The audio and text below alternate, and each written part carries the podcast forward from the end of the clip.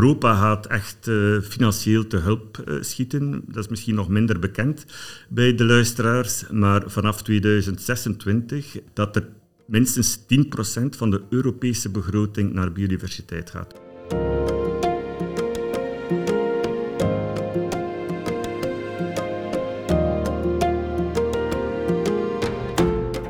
Hey, leuk dat je luistert naar Toekomst voor Natuur, aflevering 26, de podcast met spraakmakende verhalen over natuur en natuurbescherming in de lage landen.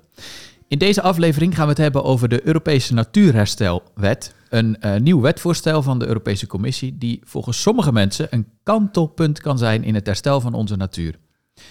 Ik ben Antoni Stip en in deze aflevering spreek ik over de noodzaak, de kansen en ook de hobbels van de Europese Natuurherstelwet met Chris de Kleer, onderzoeker landschapsecologie en natuurbeheer bij het Instituut voor Natuur- en Bosonderzoek in Vlaanderen. Chris, van harte welkom in Toekomst voor Natuur. Goeiedag. Hi. Voordat we die Natuurherstelwet in gaan duiken, wil ik jou eerst even introduceren bij de luisteraars. Je bent onderzoeker bij het INBO. Um, je zit in allerlei commissies voor Europese natuurbescherming. Je hebt in 2012 de Europese tak opgericht voor de Society for Ecological Restoration. Je schreef een boek over Natura 2000 gebieden in Vlaanderen. Kortom, volle passie voor natuur. Waar komt die drive voor natuur vandaan bij jou? Ik weet het zelf niet goed, maar als eh, tiener was ik al aangegrepen en gepassioneerd door wat zich in de natuur afspeelde en trok ik op mijn eentje erop uit. Later heeft dat zich vertaald in uh, ja, een professionele carrière ook in het uh, natuurbehoud en natuurbeheer. Maar vrij snel ben ik ook tot de conclusie gekomen dat, ja, spijt de inspanningen die gebeuren, ja, de natuur er toch altijd niet goed voor staat en dat we dus moeten inzetten op massaal natuurherstel willen we de natuur nog toekomstkansen geven. En dat drijft jou ook nu om uh, je daar voortdurend voor in te zetten? Klopt, uh, niet alleen professioneel, maar ook als vrijwilliger hè, breng ik in de praktijk uh, als uh, vrijwilliger bij Natuurpunt ben ik beheerder van een uh, wetlandgebied van ongeveer 60 hectare, waar ook heel veel natuurherstel gebeurd is met succes. En het leert mij ook aan de lijve wat de kansen zijn van natuurherstel. En je kunt best wel fantastische en onverwacht mooie resultaten bereiken als je het op een goede manier uitvoert. Ja, ja, ja, mooi. En als we nou met jou rondlopen in jouw favoriete natuur, wat, wat zien we dan? Of wat horen of wat ruiken? Misschien wel? Ik hou van alle natuur. Uh, alles in de natuur interesseert mij. Misschien iets minder het marine, omdat ik daar minder mee vertrouwd ben. Maar als ik een, uh, een landschapstype moet uitkiezen, dan gaat mijn voorkeur toch uh, naar de wetlands. Daar heb ik ook zelf meest onderzoek naar gedaan. Het gebiedje die ik in mijn vrije tijd als beheerder verantwoordelijkheid voor heb, is ook een laagveengebied, is ook een wetland. Dus ja, ik sta graag met de laarzen in het nat. Kijk eens aan, ja. Als we dan even naar die natuurherstelwet gaan. De eerste vraag die bij me opkomt is, waarom is die natuurherstelwet nodig? Ja, het is duidelijk dat het niet zo goed gaat met de natuur in Vlaanderen, in Nederland, wereldwijd uiteindelijk. En dat heeft te maken met de manier waarop dat wij met onze natuurlijke hulpbronnen uh, omspringen. Uh, er is inzicht, wetenschappelijk bewijs, dat de natuur ook een heel belangrijke rol speelt in de kans om nog onder de anderhalve graad uh, temperatuurstijging te blijven. Het One Earth klimaatmodel toont dat aan. Als we massaal inzetten op natuurherstel, dan kan die natuur ons helpen om uh, de klimaatverandering toch tegen te houden of op zijn minst te, te, milderen en ons ook aan te passen aan de veranderende klimaatomstandigheden. Er zijn in het verleden zeker inspanningen geweest en er is aandacht gevraagd voor meer natuur en natuurherstel, maar dit heeft niet geleid tot eigenlijk de trendbreuk die we verhoopt hadden. De eh, Europese vogel- en habitatrichtlijn dateert respectievelijk van 1979 en 1992. Eh, dus de habitatrichtlijn is 30 jaar oud ja, dit jaar. Maar uh, ja, als je kijkt naar wat het in die 30 jaar heeft opgeleverd, dan stellen we vast dat uh, voor de beschermde habitats in Europa er momenteel maar 15% in een goede staat van instandhouding is. Dat is de term die men gebruikt om ja. te zeggen van de kwaliteit van het, die gebieden is zoals dat het ecologisch eigenlijk wenselijk is. Voor de soorten, beschermde soorten, is het maar 27 procent. Dus er is nog ontzettend veel werk aan de winkel. En een van de redenen is dat ja, we focussen ons heel erg op de beschermde gebieden en we zijn daar actief. En daar gebeurt wel van alles dat zeer positief uh, uitdraait voor uh, natuur. Maar als er dan buiten die beschermde gebieden een negatieve trend is, dat uh, die natuur daar verder achteruit gaat, verder degradeert, dan blijf je netto eigenlijk met een, ma maar een, een minieme vooruitgang over. En in de vogel- en habitatrichtlijn heeft men ook verzuimd van deadlines daarin te plaatsen of concrete doelen voorop te stellen waar lidstaten zich moeten naar richten. Habitatrichtlijn heeft ook heel lang geduurd voordat in regionale wetgeving, een nationale wetgeving is omgezet uh, geweest. Uh, heel die implementatie die moest uitgerold door allerlei problemen. De commissie voert het nu over een andere boeg en verordening want de Natuurherstelwet is een verordening, betekent dat er geen omzetting niet meer moet gebeuren in nationaal recht, maar dat het onmiddellijk van kracht wordt. Dus een heel krachtige wet als die uh, erdoor komt. Maar dus de reden waarom dat die dus nodig is, zijn dus al die inzichten dat ja, willen we de biodiversiteit en klimaatcrisis uh, eigenlijk op een goede manier tackelen, dan moeten we naar veel meer uh, hoogkwalitatieve, robuuste natuur proberen te streven. En natuurherstel is daar essentieel in dat verhaal. Ja. De Europese Commissie heeft in juni 2022 een wetsvoorstel gedaan, een voorstel gedaan, de EU Nature Restoration Law. Jij verwees net al aan, als die erdoor komt, wat moet er nog gebeuren voordat die wet van kracht wordt? Waar moet die door? Ja, de, het is een voorstel van de commissie. Zo is elke regelgeving die vanuit Europa komt georganiseerd. Dus de commissie doet een voorstel en dan moet de Europese Raad, de ministers van de verschillende lidstaten zich daarover buigen en moet ook het Europees Parlement zich daarover buigen. En momenteel loopt dus het proces waarbij dat zowel in de Raad, eh, de Council heet dat, eh, en in, de, uh, in het parlement men momenteel aan het debatteren is over die wetgeving en dat er dus allerlei voorstellen gedaan worden voor wat men noemt amendering. En de verwachting is dat dat ongeveer afloopt, dat proces uh, met die amenderingen, voor de volgende zomervakantie. En dan daarna starten de zogenaamde trilogues. Hè. Dat is dus het uh, gesprek tussen de commissie zelf, de parlementairen en uh, de raad. Uh, om ja, er gezamenlijk uit te komen en hopelijk dan een, een compromis te vinden rond al de bepalingen die in die natuurherstelwet zijn opgenomen. En, en is jouw verwachting dat het uh, in 2023 lukt om dat hele proces te doorlopen, dat ook die trialogen afgelopen zijn, of moeten we dan toch iets langere termijn denken?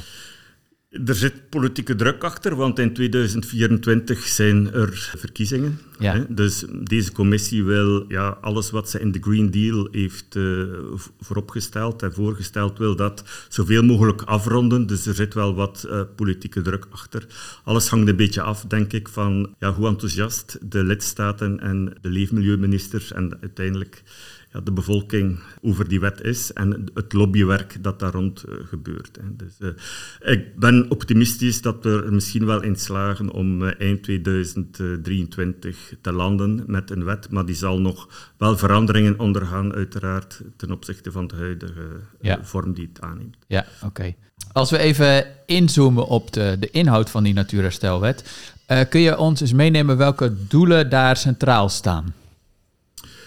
Uh, ja, de ambitie is groot, zoals ik zei, en het bevat heel veel zaken die eigenlijk reparaties zijn van zaken die over het hoofd gezien geweest zijn in de kaderrichtlijn water, in de habitat- en vogelrichtlijn. Uh, ook reparaties die nodig zijn ten aanzien van het uh, landbouwbeleid, uh, het bosbouwbeleid in Europa, het beleid rond pollinatoren. En heel belangrijk vind ik ook, en een trendbreuk toch wel mag ik zeggen, is dat er ook veel aandacht in de natuurherstelwet gaat naar urbane natuur, stedelijke natuur en ja, ons, iedereen weet dat onder invloed van klimaatverandering onze steden uh, al maar opwarmen en op de duur onleefbaar worden. Dat is vooral in het zuidelijk deel van Europa het geval. Dus de commissie komt hier met een heel hoop voorstellen op de proppen om daar iets aan te doen. En ja, de vergroening van onze steden is daar een belangrijke uh, factor in. Maar dus uiteraard is er heel veel in die natuurherstelwet uh, opgenomen.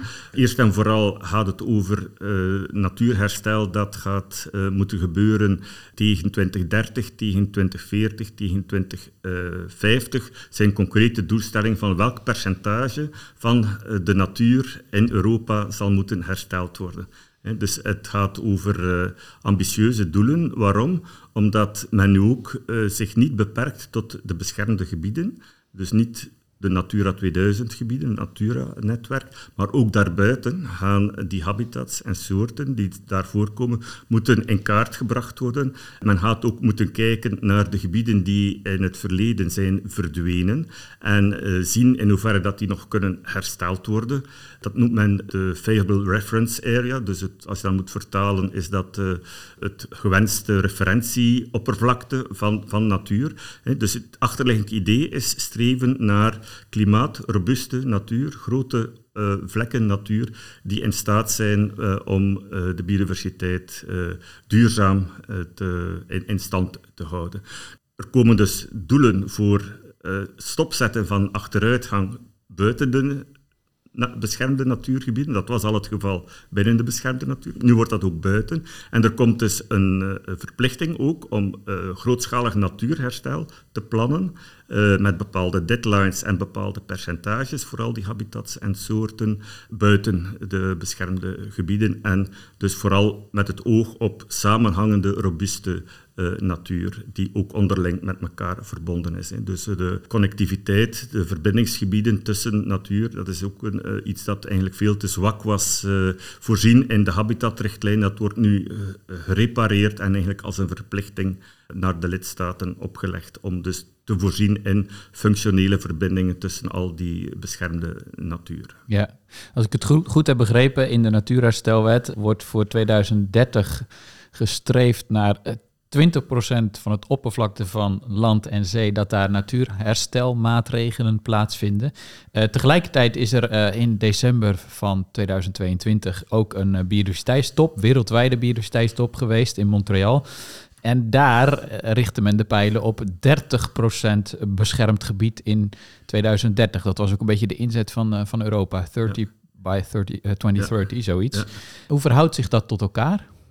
Ja, eh, ik heb het ook een beetje vreemd gevonden uh, dat uh, de verplichting om 30% beschermde natuur, zowel in het terrestrisch milieu als in het marine milieu in Europa, te gaan afbakenen, dat dat een beetje los staat van de natuurherstelwet, terwijl het in feite toch wel met elkaar samenhangt. Maar ik denk dat de commissie hier een politieke keuze heeft gemaakt om rond die 30 procent, ja, eerder als een, een vrijwillig iets, dus een, een, een zachte aandrang, een, een zacht opbod tussen de lidstaten om naar die 30 procent eh, te streven. Die 30 procent is inderdaad een internationaal erkend uh, getal waar men vanuit gaat om duurzaam natuur op onze planeet uh, in stand te houden. Zo mogelijk nog voorzien van 20% ongeveer van de landoppervlakte waar voorzien wordt in enige mate van buffering, maar waar dus wel uh, met heel veel andere functies kan gecombineerd worden.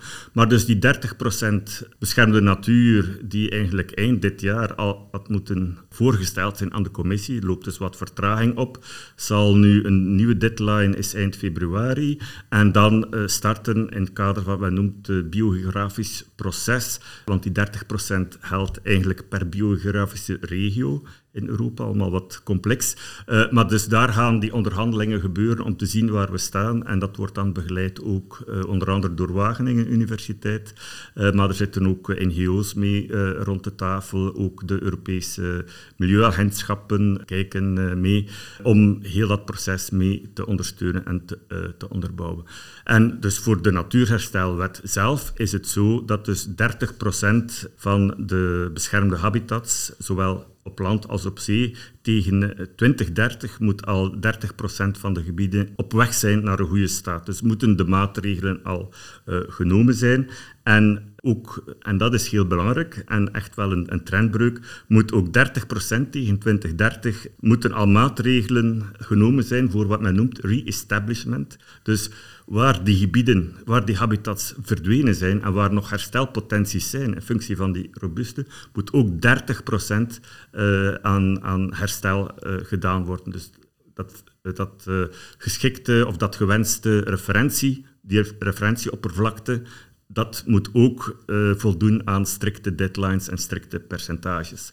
Dus een heel complex gebeuren allemaal, uh, maar de lidstaten krijgen twee jaar de tijd om een uh, nationaal natuurherstelplan op poten te zetten, waar ze dan aangeven waar de focus zal op liggen tegen 2030, tegen 2040, tegen 2050, wat ze nodig hebben aan financiële middelen, hoe dat ze de governance, de, de, de, de structuur die het allemaal moet uh, uitrollen nadien uh, uh, voorzien, welke knelpunten zij nog zien, dus enzovoort. Dus, en Europa gaat echt financieel te hulp schieten. Dat is misschien nog minder bekend bij de luisteraars, maar vanaf 2026 is er unaniem aanvaard binnen de Europese Commissie in het financiële meerjarenbegroting voorzien dat er minstens 10% van de Europese begroting naar biodiversiteit gaat. Dus dat is wel een gigantische trendbreuk. 10% van de Europese financiële middelen verplicht te besteden aan biodiversiteit. En om het in perspectief te plaatsen, hoeveel miljard is dat?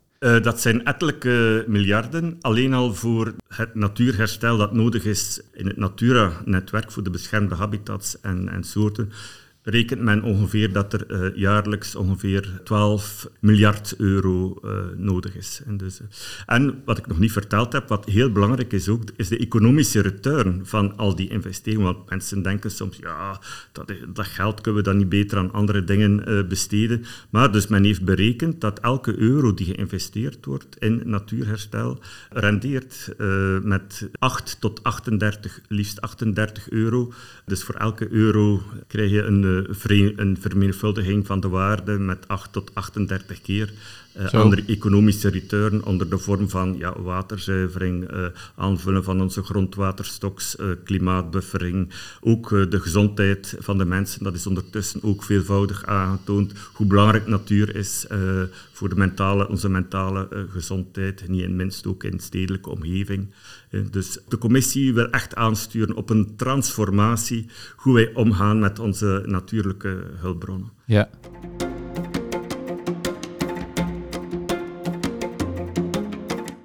En uh, heb jij een beetje een beeld van hoe, hoe dit land bij de verschillende lidstaten? Ja, het is nog wat aftasten op dit moment. Dus de uh, voorstel van wet dateert van 22 juni. Dan hadden we de zomervakantie. Dus de lidstaten zijn beginnen onderhandelen met elkaar in de loop van september, hè, onder uh, het voorzitterschap van Tsjechië. Men heeft al heel wat amenderingen gedaan. Tot nu toe zijn er nog geen grote woorden gevallen. Of, uh, maar ja, je voelt wel dat er natuurlijk schrik is, want het zijn wel best ambitieuze doelen.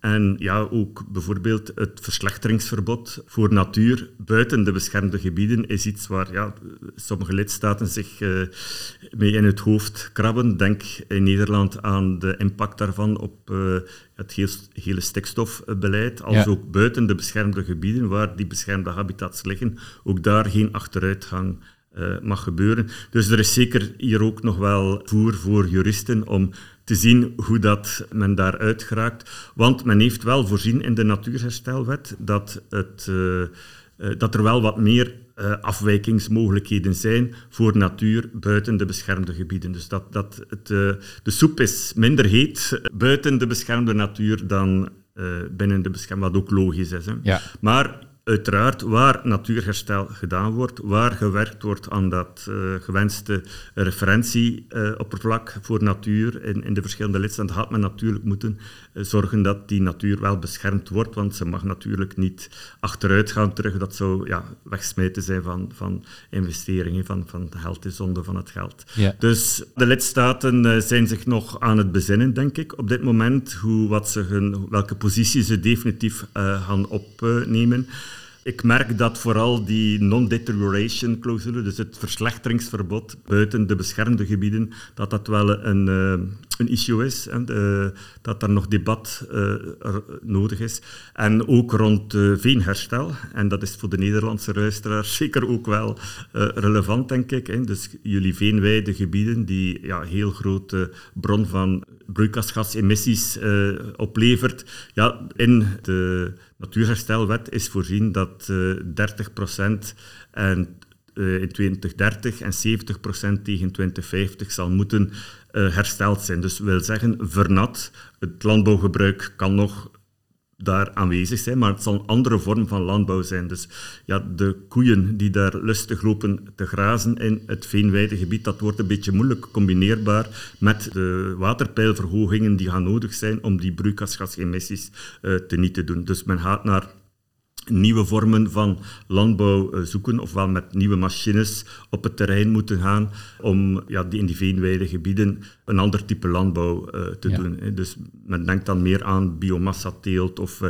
innovatieve methodes die nu nog niet helemaal op punt staan, die men paliducultuur noemt, het kweken van veenmossen, in plaats van nog veengebieden te ontginnen voor potaarde. En gaat men dus zelf veenmossen kunnen kweken, daar is een markt voor. Dus er zijn best wel wat mogelijkheden, maar het is natuurlijk wel een, een mental shift hè, die men uh, gaat moeten doen voor die veengebieden die nu in landbouwgebruik zijn. Laat ons niet vergeten dat eh, Europa de tweede grootste uitstoter is uh, van broeikasgasemissies door drainage van, van veengebieden uh, ter wereld. En dat 7%, als ik me niet vergis, van alle broeikasgasemissies afkomstig zijn van gedraineerde veengebieden. En dat is dubbel zoveel als de luchtvaart, om het een beetje in perspectief te plaatsen. Dus best wel een, een, een, ja, als we willen, efficiënt en effectief uh, de klimaatverandering te lijf gaan, dan kun je niet buiten dit aspect in om ook die gedraineerde veengebieden zoveel mogelijk te herstellen. Maar ja, de landbouwsector die verweert zich, de bosbouwsector ver, verweert zich. Als je denkt aan de Baltische Staten, Finland, ja, dat zijn heel uitgestrekte uh, veengebieden daar.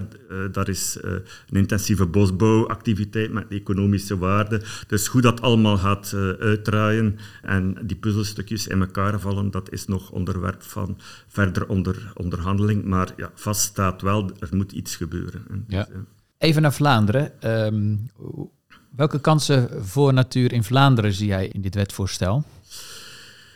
Ja, er zijn uiteraard uh, heel veel positieve zaken die we verwachten met deze natuurherstelwet. Maar ja, het zal natuurlijk ook politieke wil uh, vergen en inzet van middelen. Ik zei het al, Europese begroting schiet de lidstaten te hulp. Maar dus uiteraard zal er ook cofinanciering nodig zijn uh, vanuit de lidstaten. De kennis is er voor wat we moeten doen. Ook in Vlaanderen weten we waar liggen de belangrijke gebieden. Ook buiten de beschermde gebieden weten we via de biologische waarderingskaart waar nog natuur aanwezig is. Uh, op dit moment schatten we de oppervlakte vlakdekkende natuur in Vlaanderen op 21 procent in van, van de oppervlak. Maar ongeveer een derde daarvan is planologisch niet beschermd, is dus vogelvrij. En daar zie je dat ja, die natuur achteruit gaat. En wat in Vlaanderen echt eh, de natuurparten speelt, is de enorme versnippering. We zijn een dichtbevolkte regio, we hebben een heel dicht uh, wegennet. Dus we gaan daar moeten aan werken. Er zijn oplossingen mogelijk. Maar ja, we gaan natuurlijk nooit in een situatie uh, kunnen komen in Vlaanderen dat we terug ja, zogenaamde wildernisgebieden uh, hier uh, gaan, gaan ontwikkelen. Maar er zijn zeker heel veel mogelijkheden. Zelf heb ik ooit het onderzoek gedaan naar het verdwijnen van waterrijke gebieden in Vlaanderen. En we kwamen uit dat in de laatste 50, 60 jaar dat we 75% van onze waterrijke gebieden verloren zijn. Dus dat is gigantisch, hè? Ja. 75%. En voor de natuurgebieden die grondwaterafhankelijk zijn, hè, dus de venen onder andere, loopt dat zelfs op tot 95% die we Zo. kwijt zijn. Nu, het positieve daaraan is, we hebben ook kunnen modelleren waar nog kansen liggen voor herstel. Denk aan het idee dat in de wet ook staat rond het uh, gewenste referentieoppervlak, hè, dat we moeten uh, herstellen hebben we kunnen aantonen dat nog 147.000 hectare ja, nu in theorie met politieke wil zou kunnen hersteld worden. En daarvan ligt een derde van die 147.000 hectare, een derde heeft nu al een, een beschermd statuut, ligt nu al in habitat- of vogelrichtlijngebied of in beschermd, ander, met een ander beschermd natuurstatuut. Dus waar wachten we eigenlijk nog op? Ja. Dus de, de, daar liggen de eerste kansen om, om mee te starten. Tegelijkertijd zien we, en dat zal ook ja, de nodige trendbreuk en, en verandering in mindset van ons beleidsmakers met zich moeten meebrengen, zien we dat voor herstel van waterrijke gebieden op dit moment de Vlaamse overheid in haar implementatie van de verplichtingen van de habitatrichtlijn maar voorziet tot herstel van 5 à 7 procent van wat in theorie herstelbaar is, uh, voorziet. En dat tegen 2050. Dus oh. ruim, ruim, ruim ondermaats. Wat we ook zien is dat uh, Vlaanderen best wel ambitieus is op uitbreiding van bosareaal. Hè. Dus bos wordt areaal moet uitbreiden. Daar is ook ruim maatschappelijk draagvlak voor. Tegelijkertijd zien we uit onze berekeningen dat er dus echt wel een, een eh, grote tekortkoming is in, het, in ambitie voor de zogenaamde open habitats en ik heb het dan niet alleen over de wetlands, waar ik daar straks van sprak, maar ook over uh, de graslanden. We hadden ja, uitgestrekte graslandcomplexen vroeger met uh, ja, half natuurlijke systeem met bloemenweides en noem maar op. En tegenwoordig kun je die alleen nog in natuurreservaten vinden. En de overheid zet weinig in om die oppervlakte aan, aan graslandgebieden, maar ook heide en heischrale graslanden, zeldzame natuurtypes waarvan we ja, in Vlaanderen vaak maar enkele tientallen hectare niet meer hebben. Blauwgraslanden, die jullie ook kennen. Ja. Dus heel kwetsbare natuur die echt wel uh, moet uh, ja, ambitieuzer benaderd worden, willen we daar voor dat soort natuurtypes de achteruitgang van de biodiversiteit uh, stoppen. Nou, daar wil ik even op aanhaken, want een van de doelen in de Natuurherstelwet gaat over het agrarisch gebied. En er worden specifiek graslandvlinders en boerenlandvogels ook genoemd.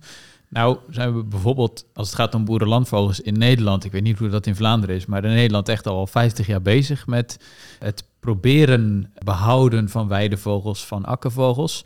Maar die populaties gaan nog steeds achteruit, ondanks alle, alle inspanningen. Dus ja, ik zou zeggen, er is denk ik ook wel behoefte aan wat, uh, aan wat slimmigheden, eh, waardoor het nu wel gaat lukken. Heb jij een idee bij wat voor dingen we moeten doen om echt aan het herstel van die open habitats en de soorten die daarin voorkomen te werken? Ik heb er niet een heel goed zicht op wat er allemaal in Nederland gebeurt. Eh, ik weet dat er veel inspanningen gebeuren. Maar essentieel is natuurlijk dat ja, het is altijd maatwerk is. En je moet dus altijd zorgen dat je op een wetenschappelijk onderbouwde manier maatregelen instelt die ook op lange termijn kunnen worden volgehouden, die dus continuïteit uh, leveren uh, van de inspanning. En je moet ook voorzien in voldoende grote oppervlaktes. Als je het beperkt tot kleine gebiedjes of hier en daar wat percelen, waar je dus ja, gaat op een alternatieve manier uh, aan landbouw doen om kansen te bieden voor wijdvogels, dan merken we dat dat vaak niet lukt, omdat die uh, vogels, of die, die, die uh, boerenlandvogels zoals je ze noemt, die komen in clusters voor. Dus die, die gaan op grote gebieden afkomen waar tegelijkertijd over die volledige oppervlakte gepaste maatregelen voor herstel van die populaties uh, gebeurt. Maar ja, het hoeft ook geen verder betoog, denk ik, dat ja, de problematiek nog wel ruimer is natuurlijk. Het gaat vaak ook over trekvogels. Neem, de, neem de grutto, ja, dus ja, die, die, die hebben het best moeilijk, ook met klimaatverandering. speelt van alles uh, die, die we eigenlijk niet willen. Hè. Dus de, in, als een hittegolf is op kleibodems en die bodem wordt uh, keihard door de verdroging, ja, dan kunnen die dieren geen, geen uh, voedsel niet meer vinden en is er dus de productiviteit uh, van die populaties ook gering. Als zich dat dan een aantal jaar na elkaar voordoet, dan zit je echt met een probleem en zit je in een neerwaartse uh, spiraal. Dus, ja. ja, nou ja, exact dit is nu aan de hand. Het ging al niet goed met de grutto in Nederland.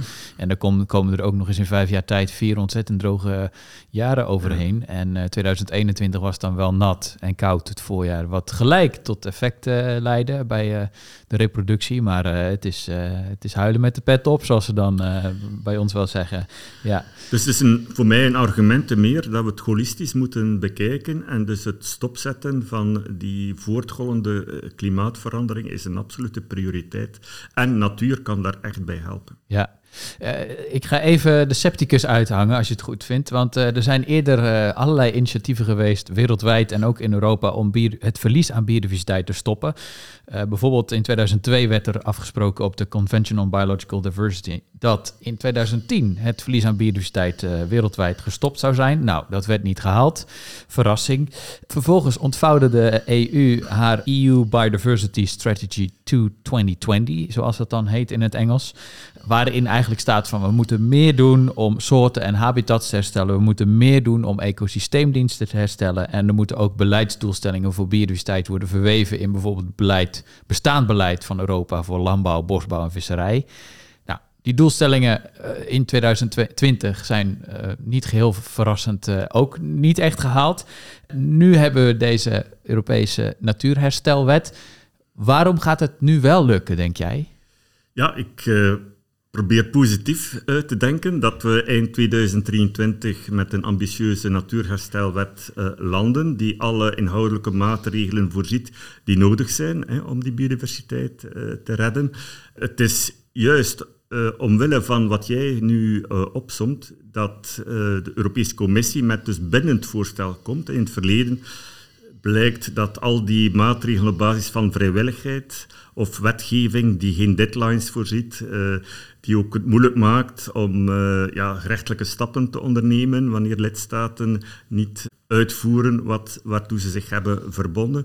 Dus het is juist omwille van wat jij zegt dat men nu komt met een bindende verordening die onmiddellijk uh, zal in treden. En heel belangrijk ook is dat er speciaal ook een artikel is voorzien, wat uh, men noemt de Access to Justice, uh, dat expliciet voorziet dat bijvoorbeeld verenigingen, natuurbeschermingsverenigingen, heel vlot toegang gaan krijgen om, om rechtelijke stappen te ondernemen om dus ja, de lidstaten of de bevoegde overheidsstructuren ja, dus te gaan op hun verantwoordelijkheid wijzen. En dan heb je die wetgeving en de rechter gaat dan een uitspraak stellen van ja, kijk, eh, het, uh, en kan dan dwangsommen opleggen en zo verder en zo verder. Dus uh, we staan juridisch dan wel een, stukje sterker ook om het afdwingbaar te maken.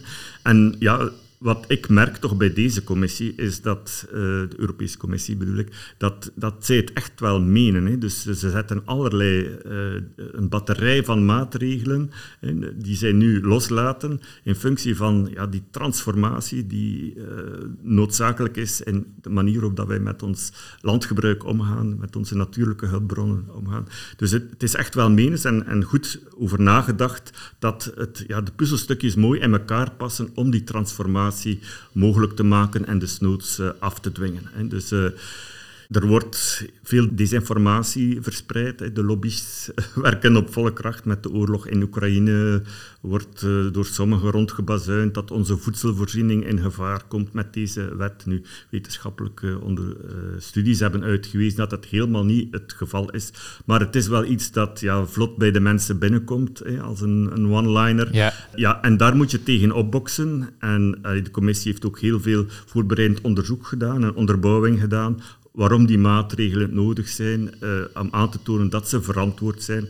En het zal nog een kwestie worden, ook voor uh, de overheden, lokale overheden, de nationale overheden, maar ook de verenigingen, de natuurbeschermingsverenigingen, ook de wetenschappelijke organisaties, om dat te gaan doorvertalen naar het, het uh, publieke debat, om ja, draagvlak te krijgen voor het, hele, het hele gebeuren. Ja, ja.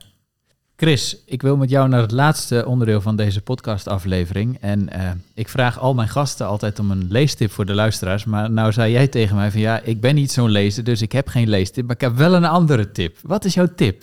Ja, ik lees veel natuurboeken, maar uh, ja, dan kan ik er niet zo eentje uitpikken. Uh, maar ik zou aan de mensen uh, aanraden om, ja, trek zoveel mogelijk de natuur in. Geniet van de natuur, leer de natuur kennen, ontdek de natuur, hoe wonderlijk die in elkaar zitten, welke bijzondere creaturen daar allemaal ronddwalen en, en verbaas je elke dag over die natuur. Je gaat op de duur ook veel meer waardering voor die natuur eh, opbouwen. En hopelijk, als we dat met z'n allen doen, dan hebben we ook draagvlak voor uh, grootschalig natuurherstel dat in heel Europa uh, moet plaatsvinden. Ja, ja, je hebt veel ervaring in natuurbescherming in, in België en, en ook daarbuiten.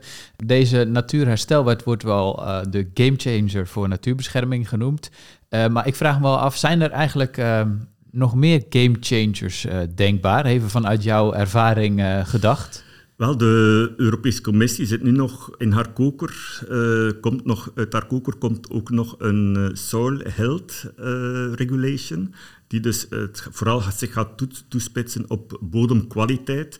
We zien ook dat ja, door overbemesting, door verdroging, door erosie, de bodemkwaliteit overal achteruit gaat in, in, Europa. Ook de desertificatie, de verwoestijning in, in, in het zuidelijk deel van Europa. Ja, uh, vereisen een, een uh, gecoördineerde aanpak. En daar komt dus ook nog een, een nieuwe, nieuwe regelgeving uh, rond, die eigenlijk ook perfect past in het, in het, in het grotere plaatje van de hele biodiversiteitsstrategie en, en de, de Green Deal. En dat is wat jou betreft ook een gamechanger? Dat zal, dat zal zo uitdraaien. Nu, ik heb nog geen, die wet ook nog niet gezien, nog niet de kans gehad om uh, te bestuderen. We zijn daar ook uh, met de Vereniging voor uh, Natuurherstel in Europa nog niet bij betrokken. dat komt nog, dus ja, dat is misschien een onderwerp voor een volgende podcast. Ja, zeker. Ja, leuke. Ja, ja. mijn laatste vraag aan jou, Chris, is hoe kijk jij naar de toekomst voor natuur in de lage landen, dus België en Nederland? ook daar, ik, ik ben altijd van uh, optimistisch. Hè? Dus uh, je moet dat blijven, anders uh, ja, kun je... Het, we kunnen ons niet permitteren voor de komende generaties om de problemen te negeren. Dus we moeten eraan werken. En ja, we maken vorderingen, maar die gaan wat te traag. Deze wet gaat veel veranderen, denk ik, als ze tenminste overeind blijft tegen het eind van volgend jaar. Uh, maar ja, het, het, is natuurlijk zo dat we de bestaande realiteit niet moeten ontkennen. Vlaanderen, ook Nederland, zijn dichtbevolkte regio's. En we hebben uh, ja, heel dicht wegennet, uh, een heel intensieve landbouw. dus we lopen daar tegen een aantal problemen aan, wat veel minder speelt in bijvoorbeeld Oost-Europese regio's of Noord-Europese regio's. Uh, dus wij hebben het wat moeilijker om die grootschalige uh, natuur te gaan realiseren. Het is, een, het is een extra uitdaging, maar we zijn tegelijkertijd ook rijke regio's. We hebben ontzettend veel kennis, we hebben ontzettend uh, goede, ambitieuze natuurverenigingen ook, die hun schouders daarmee willen onderzetten. Het maatschappelijk draagvlak groeit ook bij private landeigenaars, dus we moeten daar aandacht voor hebben, ook die mensen te betrekken in heel dit verhaal, overtuigd te maken dat dat, dat het loont om uh, op die uitbreiding uh, van natuurherstel, van kwalitatieve natuur, uh, dat dat al de baten die dat oplevert aan de, aan samenleving, dat dit ook voor dat soort bevolkingsgroepen ja, een, een, taak is om aan te werken. Maar de uitdagingen zijn bij ons ja, natuurlijk wel groot omwille van onze bevolkingsdichtheid en onze intensieve landbouw. Ja, nou dat is een uh, mooi einde van deze aflevering. De uitdagingen zijn groot. Uh, er is ook nog veel werk aan de winkel. Maar uh, mede met deze natuurherstelwet in de hand kunnen we echt werken aan, aan herstel voor natuur. Ik wil jou heel hartelijk bedanken, Christe Kleer, onderzoeker landschapsecologie en natuurbeheer bij het Instituut voor Natuur- en Bosonderzoek in Vlaanderen. Hartelijk dank. Graag gedaan.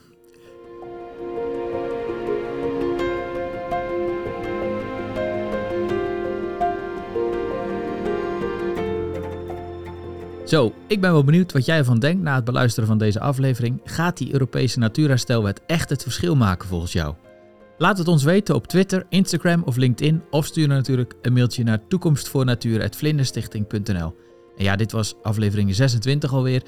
En ik kan alvast een tipje van de sluier oplichten van de volgende aflevering, want die gaat namelijk over het waterbeheer van de toekomst. En ik spreek daarover met Antoinette Lohman en zij is heemraad, oftewel dagelijks bestuurder bij Waterschap Rijn en IJssel in Nederland. En we gaan het hebben over de grote uitdagingen voor het waterbeheer in onze lage landen. Dus we blijven met onze voeten in het water. En ik zou zeggen, tot de volgende!